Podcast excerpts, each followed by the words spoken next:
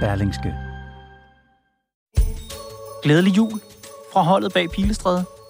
Vi holder ferie, men har udvalgt fire afsnit fra i år, som du kan høre eller genhøre. Det er nogle af de afsnit, der har været mest populære. En slags Absolut Pilestræde 2023. I dag skal du høre mit interview med Zetlands chefredaktør Lea Korsgaard. Det er fra 16. november. Var det en god fest?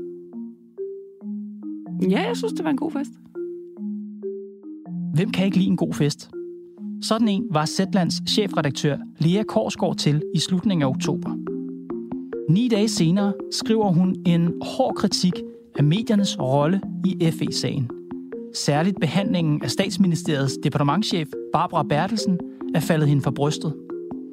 For, skrev hun i Zetland, Bertelsen er urimeligt blevet udråbt som skurk af unuancerede journalister.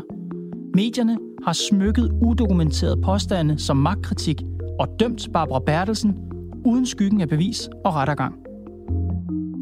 Men hvad har det med festen at gøre, tænker du måske?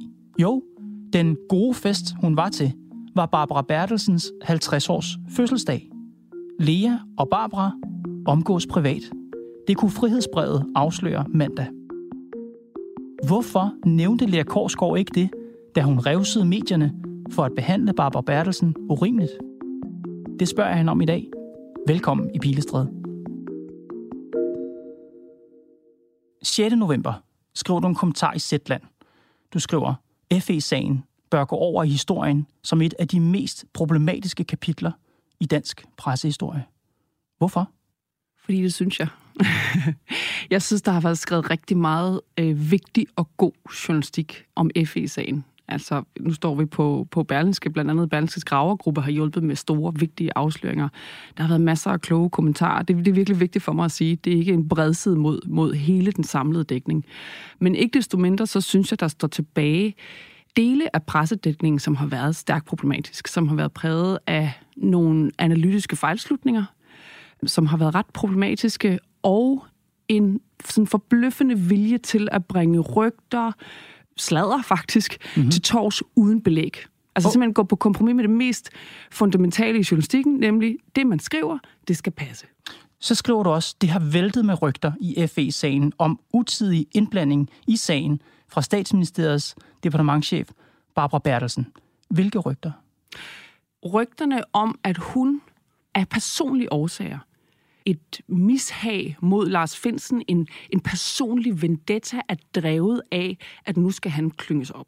Det er jo historier, som altså, øh, nogle af de tiltalte i sagen øh, har, har, har peget på, mm-hmm. og det skal, de, det skal de være fri til. Sådan, sådan er det jo, når man tiltaler sagen. Så skal man forsvare sig. Claus Hjort for eksempel har kaldt Barbara Bertelsen hele sagens onde ånd.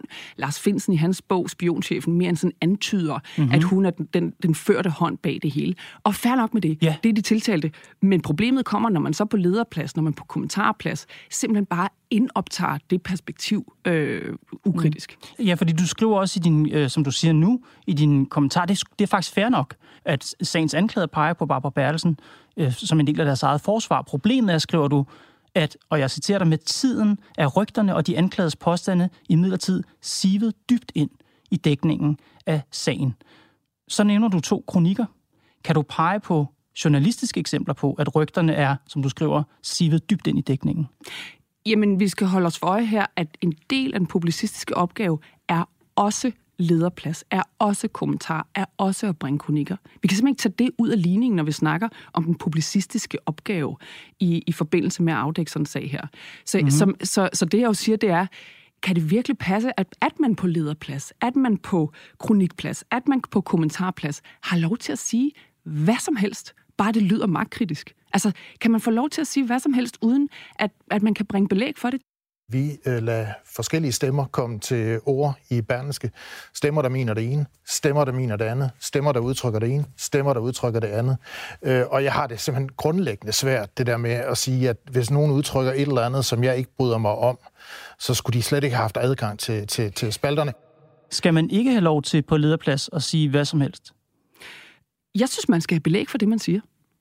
Men så synes jeg, det bliver svært at skælde mellem, hvornår noget er bare en kommentar, hvornår noget man synes, og hvornår man noget, man faktisk ved. Fordi lige så snart du bruger, og det synes jeg er relevant, ordet belæg, der er vi over i den, hvad skal man sige, den undersøgende faktuelle journalistik. Man skal have belæg for at skrive en eller anden som en forsidshistorie. Men hvad en chefredaktør mener på lederplads, skal vel ikke være genstand for sådan noget faktatjek, eller hvordan? Jo, i den forstand, at det er jo, det er jo vigtigt, synes jeg, i et demokrati, at vi, at vi kan være rygende uenige om analyserne, om perspektiverne, om hvad der er vigtigt, hvad der er ikke vigtigt. Vi skal være mm-hmm. rygende uenige. Det er for hulen derfor, det er skønt at leve i et demokrati, at det er muligt.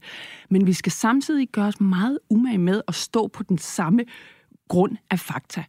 Når for eksempel man i en kommentar i politikken skriver, at, øh, at det, at sagen nu er droppet fra anklagemyndighedens øh, side, beviser, at det er en hets. Det viser, at det var en hets fra, fra øverste sted.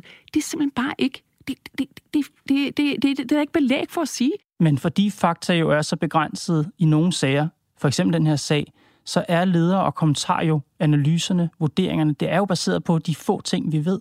Og det skal, det skal man jo så bare sige. Jeg synes, mm-hmm. det og det og det ja. tyder på. Ja. Men, men bare sige, punktum, mm-hmm. det her, det er en hets. Det, det er der ikke belæg for. I artikelserien Væggene har ører, der har Zetland selv beskæftiget sig med rygterne om Barbara Bertelsens rolle og den her påståede hævntørst over for Lars Finsten.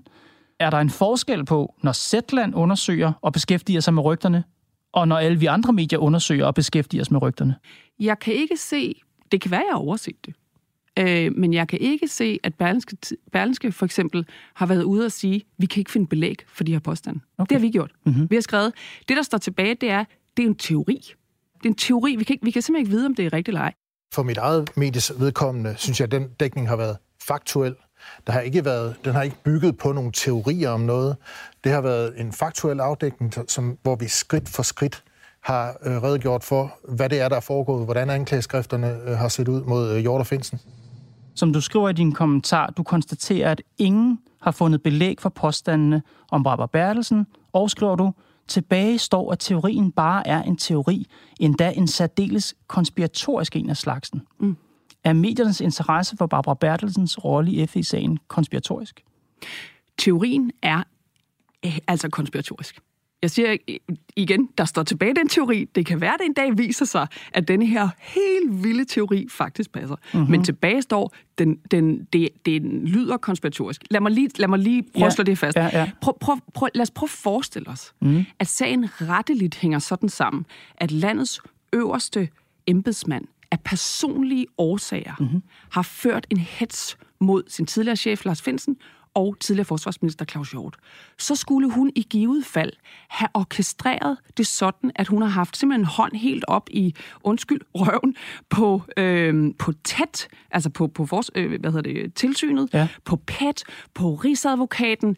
Det, det, altså passer det, så er det en skandale af fuldstændig machiavelliske dimensioner. Ja. Og derfor er det selvfølgelig interessant at beskæftige sig med den teori, det, ja. det rygte. Så det er ikke er et problem, at det er siden i dækningen. Det er faktisk meget relevant, at det er siden i dækningen, fordi det er vigtigt at beskæftige sig med journalistisk. Det er et problem, at det er set op, som om, at det er blevet en sandhed. Men selvfølgelig skal vi beskæftige os med det og finde ud af, passer det eller ej? Kan vi finde belæg for det eller ej? Og i det tilfælde, vi kan finde belæg, så kan vi selvfølgelig skrive det. Mm-hmm. Det har jeg bare ikke set nogen have belæg for. I det tilfælde, vi ikke kan finde belæg for det, så skal vi skrive det. Var det så langt uden teori, at medierne hurtigt skulle have kigget i en anden retning? Nej, ikke nødvendigvis. Man skal jo holde sig åben som journalist for, ja. at, at, at machiavelliske ting kan ske. Men i det tilfælde, man, man ikke kan finde belæg for det, så synes jeg måske, der havde været andre øh, historier, der havde været mere interessant at kigge på. Du skriver også, mange journalister søgte eksalteret og uden nuancer efter en skurk og fandt den i Barbara Bertelsen. Og at medierne har fældet en dom over Barbara Bertelsen uden rettergang eller bevisførelse. Fortjener hun en undskyldning? Det... Mm, nej, det tror jeg ikke.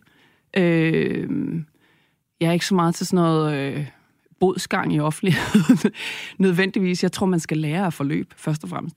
Jeg tror, pressen skal bruge den her anledning til at kigge på... Øh, øh, netop at kigge på, hvornår, hvornår, hvordan for eksempel bruger vi kommentatoriet til øh, at, at ventilere øh, ting, der ikke nødvendigvis er, er belæg for. Ja. Vi, vi skal virkelig bruge det til at grænske os selv og vores, vores, egen, øh, vores egen rolle i den her sag, som, som, som indlysende har været der. Prøv at høre, sagen mm. handler jo ikke om, om noget, der ligger væk fra pressen. Sagen handler om, er der nogen, der er gået til pressen og har brudt deres fortrolighed og afsløret øh, landets dybeste hemmeligheder. Ja. Så på den måde er, er, er det jo virkelig en anden til at kigge, men, hvordan er vi, hvordan er vores rolle i den her men sag? Men du slutter din meget lange, dit lange udførlige indlæg om pressens rolle i den her sag med at skrive om, hvordan pressen har behandlet Barbara Bertelsen, og det er helt tydeligt en tekst, du mener ikke pressen har behandlet Barbara Bertelsen rimeligt. Det er vel rigtigt forstået, ikke? Jeg konstaterer, at hun er blevet skurken, og jeg kan simpelthen endnu ikke se, at der er belæg for, at hun er skurken. Altså det fremgår, hun blandt andet har råbt af Lars Finsen under et møde og opført sig, ja, ikke så pænt, mener han. Hvad er din kommentar til det? Først og fremmest må jeg sige, at jeg har ikke haft lejlighed til at læse bogen, men, men jeg kommer nok ikke til på noget tidspunkt at gå ind i en diskussion mellem øh, en departementchef og en, og en FE-chef. Lørdag den 28. oktober, ni dage før du skriver den her kommentar i Zetland, der var du til en 50-års fødselsdag hos Barbara Bertelsen. Det kunne Frihedsbrevet fortælle mandag. Var det en god fest? Ja, jeg synes, det var en god fest. Fortæl, kan vi fortælle? Nej, for det synes jeg faktisk er, er privat også af hensyn til de andre, der var med til festen. Okay. Hvad? Men, men, ja, men jeg tror, det du vil frem til, det er, ja, jeg kender Barbara Bertelsen. Jeg er bare lidt mere nysgerrig her, og så må du sige, hvis det ikke du vil svare på spørgsmålet, var det, var det hjemme hos Barbara? Nej. Nej. Jeg har aldrig været hjemme hos Barbara Bertelsen. Nej. Jeg kender Hva? hende som... Øh, øh, hun er sådan en del af min bekendtskabskreds. Jeg vil ikke kalde hende en ven, fordi så skal man på en eller anden måde være tætte jo. Mm-hmm. Det er sådan, ja, hvordan vurderer man, hvordan gradbøjer man sin bekendtskabskreds? Anyway, jeg vil ikke kalde hende en ven, hun er i min bekendtskabskreds. Ja. Øhm, og, og, og, og er en, jeg kender. Og den her fest, der altså ikke foregår hjemme hos hende, altså 50 års fødselsdag kan jo være utrolig mange ting. Var det sådan en, du ved, formel reception med pindemad og ved højbord, eller var det mere drinks og musik og afslappstemning? Jeg vil sige det på den måde, jeg har aldrig været til en privat fest, hvor der var så mange mennesker. Men, men, men det, det var en privat fest, og derfor så skal, jeg ikke, øh, så skal jeg ikke stå og... Jeg har ikke lyst til at stå og fortælle om den på den måde. For mig er det vigtigt at øh, kunne sige, ja, jeg kender hende. Ja. Øh, jeg hvor har aldrig, hvor, hvor jeg har, kender du hende fra? Jamen, det har jeg heller ikke lyst til. Altså simpelthen bare hensyn til privatlivets fred. Øh, vi har en embedsmand, som, øh, som ikke kan gå ud og sige noget som helst i offentligheden om, om, øh, øh, om sig selv i den her sag, øh, og heller ikke sit privatliv. Jeg har ikke lyst til at bringe øh, heller faktisk hendes privatliv frem i offentligheden. Men, men, men for mig i den her sag ja. er det afgørende jo, jeg har jo selvfølgelig skulle tage stilling til, hvor godt kender hende. Altså kender jeg hende ja, så ja. godt, at jeg ikke kan skrive om hende. Der findes mennesker, jeg kender så godt, som jeg selvfølgelig ikke kan skrive om, på mm. den måde, som jeg har gjort. Øh, jeg har aldrig været på tomandshånd med hende. Jeg har aldrig diskuteret FE-sagen med hende. Nej. Jeg har ikke en relation, hvor, hvor, jamen, hvor, hvor der er fortrolighed på den, på den der måde, der er mellem venner. Okay. Du siger, at du har aldrig været til en 50-års fødselsdag, hvor der var så mange. Hvor mange var I? Jamen igen, det kommer jeg ikke til at svare på. Okay. Det var en privat fest. Vil du fortælle mig... Altså, jeg spørger dig lidt til det her med... Det er fordi, det er jo centralt, det her, Lea. Altså, jeg, jeg er nysgerrig på dit forhold til hende. Jeg, jeg er helt med på, at du siger, at hun er en bekendt. Kan du prøve at sige, altså, hvor, hvor længe har du kendt hende? Øh, jeg har kendt hende i nogle år efterhånden, tror jeg. Jeg har kendt hende nogle år. Okay. Men, men, det, men, men øh, altså, grunden til, at jeg ikke vil ind i det igen, det er jo, det er jo fordi, det, ja, det er relevant, at jeg kender nogle af dem, jeg skriver om her. Ja. Det skrev jeg også i min kommentar. Det er svært, når man kender nogle af dem, man skriver om. Mm-hmm. Man skal være sygt påpasselig med netop at vurdere, er jeg for tæt på til at kunne skrive noget? Øh, har jeg nogle blinde vinkler? Løber jeg nogle andres ærne end mit eget? Mm-hmm. Øh, kan jeg se mig selv i øjnene? Kan jeg se i mit tilfælde min, min, min Zetland-medlemmer i øjnene? Mm. Øh, det, det, det er relevant. Ja, ja. Øh, hvordan forholdet eller relationen ellers ser ud, bliver jo først relevant i det øjeblik, jeg ikke har rent mel i posen. Om ja, man så må det, sige. Ikke? Men det hvis du faktisk... vil fortælle lidt om relationen, så vil det også være nemmere for mig og lytterne at vurdere, om det er en relation, der betyder noget. Men det, det ønsker jo, du ikke. Jo, det har jeg jo lige sagt. Hun men okay, er, men er, hvor, hvornår, hvordan mødte du hende? Det, igen, det, vil jeg, det, det kommer jeg ikke til at, at svare på. Okay. Øh, men du sagde før, at du har kendt hende nogle, nogle år. Øh, hvor, hvor tit ses I? Eller kan du, har du tal på, hvor mange gange du har set hende? Altså i, priva, en, i privat en, sammenhæng? En privat til sammenhæng. to gange om året. En til to gange om året. Øh, Frihedsbrevet spørger dig også om det her. Øh, de spørger, om du og din mand har haft Barbara Bertelsen på besøg i jeres hjem. Du svarer nej, ligesom du har gjort her. Så spørger de dig, har I haft hende på besøg til private arrangementer? Hun har været til min mands 40 års fødselsdag. Okay. Hvorfor var hun inviteret til din mands 40 års fødselsdag? Igen, det, det er simpelthen for, for mig for privat at komme ind på. Det vedkom, jeg har lyst til at sige, det handler jo også om min mand og, og Barbara Bertelsens relation. Ja. Det har jeg simpelthen ikke lyst til at, at komme ind på her. Fair nok. Har I haft initieret til andre private arrangementer, ud over din mands Jeg fødselsdag? kommer ikke til at gå mere ind i det. Okay. Og det her spørgsmål, synes jeg, er relevant i forhold til den sag, som du har beskrevet. Hvor mange gange har I deltaget i hinandens private arrangementer, siden FE-sagen startede med at rulle i august 20? Du sagde, du havde kendt et par år. Så jeg går ud fra, at det, det peger ret ind, at du måske først har lært hende at kende, mens FE-sagen har rullet. Ja, nu tæller jeg. Øh, fire gange, tror jeg. Okay. Ish. Ja. Så der er hendes 50-års fødselsdag, din mands 40-års fødselsdag, og så måske et par gange mere. Ja. Men i sådan, hvad skal man sige, selskabeligt lag, hvor der har været mange mennesker Ja. til stede. I dit indlæg i Zetland, som du altså skriver nogle dage senere, hvor du kritiserer mediernes behandling af Barbara Bertelsen, der nævner du ikke specifikt, at de omgås privat. Mm. Hvorfor ikke? Jamen, det skulle jeg sikkert. Det er jo mig helt vildt, fordi jeg kan jo mærke nu, sikkert berettiget, hov, hvorfor skriver hun ikke det? Hvad fanden har hun urent mel i posen? Som bare er mega ærgerligt, fordi jeg står ved hvert et ord, jeg har skrevet i den, i den, i den tekst. Du mærker det, siger du. Prøv lige at, og, og, prøv lige at fortælle mig hvad, om det, du mærker. Jamen, det er jo klart, at øh, når, når frihedsbrevet øh, ringer op til mig, og øh, synes jeg får det til at se ud, som om vi er bedste veninder, øh, så, så får det øh, jo klart øh, folk til at tænke, hvad fanden, øh, hvad fanden sker der? Og jeg kunne lige så godt have skrevet det. Helt ærligt, det var bare dumt af mig. Det, jeg skriver jo teksten og peger på, jeg kender flere af dem, jeg skriver om. Og det er vanskeligt. Jeg bruger det netop til at sige, hold kæft mand, det er svært i den her sag, hvor nogle gange det føles lidt som om alle kender alle i den. Og ja, det er mega svært at skrive om folk, man kender. Og derfor er så vigtigt at have tungen i munden. Så jeg peger på det, og jeg, helt ærligt, jeg kunne lige så godt have skrevet, øh, øh, altså simpelthen bare udpenslet min relation Ja. til hende, hvordan den var opstået, ligesom jeg kunne udpensle min øh, relation til nogle af de andre, jeg skriver om. Yes, men det her var jo specifikt om Barbara Bertelsen og mediernes forkerte behandling af hende, så, Jo. så det var vel meget relevant og, Ja, ja. og, og var deklareret helt klart og tydeligt fra starten af, hey venner, ja. Ja. her kommer en kritisk kommentar om mediernes rolle, især om deres behandling af Barbara Bertelsen, og jeg vil bare lige sige, at jeg kender hende altså. Så er det sagt. 100 procent. Det var dumt, jeg ikke gjorde det. Jeg, men jeg vil dog tilføje, at jeg kunne også... Man kan sige, jeg kender også Christian Jensen fra Berlingske Tidene. Han er min gamle lærermester. Altså, altså Politikens politikens chefredaktør. øh, ansvarshavende chefredaktør. Han er min gamle lærermester. Hans 50 års fødselsdag var jeg også inviteret til. Men hvad, Øh, hvorfor er det relevant? Ja, fordi ham kritiserer jeg jo. Og på en eller anden måde er det jo også lige så relevant, om, om, synes jeg, at være transparent omkring dem, man eventuelt kritiserer. Men Christian Jensen, med al respekt, han er jo din kollega. Altså, I er jo, du ved, konkurrenter og kollegaer på samme tid på, på konkurrerende medier.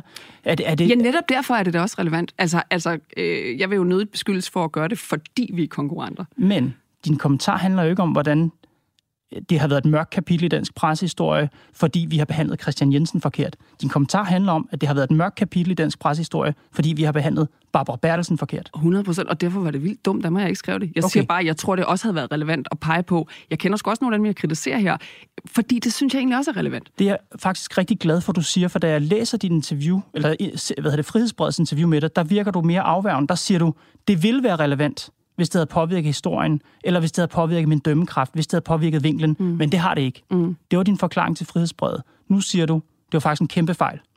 Prøv at høre, det der sker inde i mig, ikke? Når fri, for bare at være helt ærlig. Ja. Det, der sker inde i, fri, i mig, når frihedsbrevet ringer, det er, jeg kan huske en artikel, de skrev om, da jeg var til en middag med Jordan Peterson, altså det store øh, KFA på, øh, på, øh, i, i sådan det kulturkonserve globale landskab. Ja. Jeg, jeg var til en bøfmiddag med ham, øh, og synes, det var mega interessant. Mhm. Mm-hmm. Jeg, er, jeg synes, han er vildt interessant. Jeg er rygende uenig i alt muligt, han skriver. Og, og Frihedsbrevet laver en lang, øh, sådan, det jeg vil kalde spekulyse om, hvordan jeg skulle være i lommen på en eller anden øh, frikirke, og jeg ved Yes, ikke hvad. yes. Så når Frihedsbrevet ringer til mig og siger, du har været til fødselsdag med nogen, så går jeg så, så bliver jeg nervøs. Okay, Ja. så og, det er jo, herinde- og det er jo dumt, fordi jeg, kunne, jeg, jeg burde bare have sagt det. Jeg tror egentlig også, jeg sagde det, men sikkert ikke på samme måde, som jeg, som jeg siger det her nu. Okay, men inden det her studiet, der kan du godt sige, det var en klar fejl, at jeg ikke tydeligt skrev, at jeg kender den person, hvis mediernes behandling, jeg nu vil kritisere. 100 procent. Okay.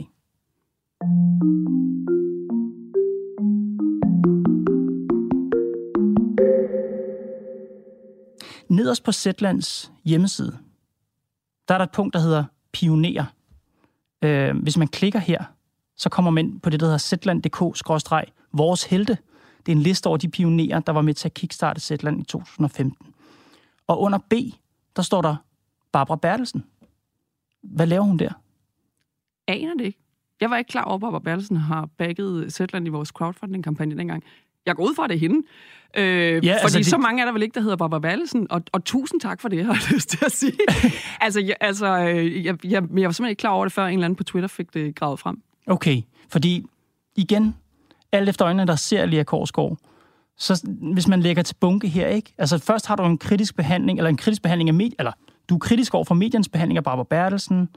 Du anerkender nu her, at det var en fejl, at du ikke skrev klart og tydeligt, at I omgås privat. Og hun er så også, når man kigger på jeres hjemmeside, en af Sætlands helte. Prøv lige... det, altså mit spørgsmål er jo selvfølgelig det, jeg prøver at antyde, det er, kan der være et habilitetsproblem her? Hvis du kigger på Sætlands dækning, øh, bare i løbet af det seneste år, så mm-hmm. har vi skrevet kritisk både om regeringen og om Barbara Bertelsen, og endnu meget kritisk. Vi har skrevet om øh, SIP-sagen, kompliceret, men meget interessante vindmøllesag, som blandt andet handler om, hvordan øh, øh, statsministeriet og regeringstoppen har håndteret øh, mm-hmm. udrulling af havvindmøl øh, i, i Danmark. I vores egen dækning af FE-sagen har vi videt, som du selv er inde på, virkelig meget plads til at undersøge den her, øh, det meget kritiske blik på, på Barbara Bertelsen i forbindelse af, i vores... Øh, i vores dækning af hastværk i embedsværket har vi også skrevet kritisk om Barbara Bertelsen. Det er simpelthen forkert at påstå, at vi skulle være øh, i lommen på hende. Mm-hmm. På nogen måde. Og det, det, det, det taler vores dækning for. Men, men det er fordi, det her med habilitet, og det synes jeg faktisk er spændende. Spørgsmålet er, det handler om dem, hvis habilitet man kigger på. Om det handler om, de selv mener, de er troværdige eller om det udefra ser troværdigt ud. Mm. Forstår du, hvad jeg mener? Helt, helt klart, det forstår jeg totalt. Og jeg mener ikke, at jeg har et habilitetsproblem. Det er jo, det, det er jo også det, jeg er inde på i min, i min kommentar. Det er, hold kæft, er det vigtigt, at man kigger indad og netop vurderer, kender jeg vedkommende for godt til at skrive det her? Kan jeg se mig selv i øjnene? Men og, og det er den ene del af det. Og så er jeg helt med på, så er der også den anden, som er, hold kæft, hvor skal man undgå, at folk netop kan begynde at, at mistro, at der skulle være andre dagsordner end den. Og og der er transparens jo bare ens bedste ven. Og gid, jeg bare havde skrevet, øh, jeg kender, du, øh, blandt andre Barbara Bertelsen. Du er et af de mest velovervejede mediemennesker, jeg kender. Jeg kan ikke forestille mig, at du ikke, inden du har skrevet den kommentar, har spurgt dig selv, har jeg et habilitetsproblem i forhold til Barbara, mm. og har valgt at, at tænke, nej, det har jeg ikke, så har du skrevet kommentaren. Ips. Hvis ikke du har et habilitetsproblem, hvorfor er du så ude og rette ind nu? Hvorfor er du ude at sige, det var en fejl, jeg ikke sagde det, det skulle jeg have skrevet? Jamen netop fordi, at jeg ikke har et habilitetsproblem. Altså hvis jeg havde et habilitetsproblem, ville jeg jo sige, jeg, jeg skulle slet ikke have skrevet det. Selvfølgelig skulle jeg have skrevet det, jeg står ved hvert et ord, men i transparensens navn og for at undgå misforståelser, mm-hmm. så havde det været øh, simpelthen bare på sin plads, jeg havde skrevet. Når jeg skriver, at jeg kender nogle af dem, jeg skriver om, så er en af dem Barbara Bertelsen. Det havde bare været, selvfølgelig skulle jeg have gjort det. Yeah. Og ja, jeg overvejede det jo frem og tilbage og frem og tilbage, mm-hmm. og alt muligt. Jeg, selvfølgelig havde jeg overvejelsen. Jeg landede på den, på den forkerte konklusion. Frihedsbrevet har jo været efter folk i andre lignende sager. I 2021, der afslørede de, at chefredaktøren på Information, Rune Lykkeberg, har en privat relation til Barbara Bertelsen, mm. som han mødes med i en læseklub. Han erklærede sig inhabil mm. i forhold til at skrive ledere om hende. Mm. Er du også nu inhabil i forhold til at skrive om Barbara Bertelsen? Nej. Så du kommer til at fortsætte med at skrive om hende? Ja. Okay. På mange måder er du jo en rollemodel. Mm. Du er formand for Journalisthøjskolen. Du er også udpeget til medieansvarsudvalget, der skal, og jeg citerer, undersøge, hvordan rammerne for mediernes ansvar kan gøres mere tidsvarende. Mm. Du er i en lang, udførlig kommentar, hvor du siger, øh, taler om øh, det værste kapitel i preshistorien, ude og lang ud efter medieaktører, om deres dobbeltroller mm. og habilitet. Uden at du nævner, at hende, som kan man sige, er kernen for den kritik, hende det går ud over, det er en, du ses med privat. Hvordan tænker du, at det påvirker mediernes troværdighed? Mm, forhåbentlig påvirker det mediernes troværdighed, øh, at jeg kan sige, at det var en fejl. Altså for fanden mand. Øh, vi, jeg, jeg begår cirka 7 fejl, øh, 47 fejl hver dag, tror jeg. jeg lister dem gerne op. Nej, jeg begår alle mulige fejl. Det her, det var indlysende en fejl. Øh, og jeg synes, øh, det er sgu svært at undgå at begå fejl. Det vigtigste, det er at få, øh, få peget på, når man begår dem.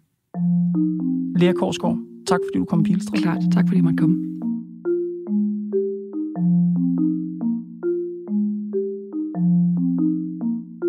Det var Pilestræd for i dag.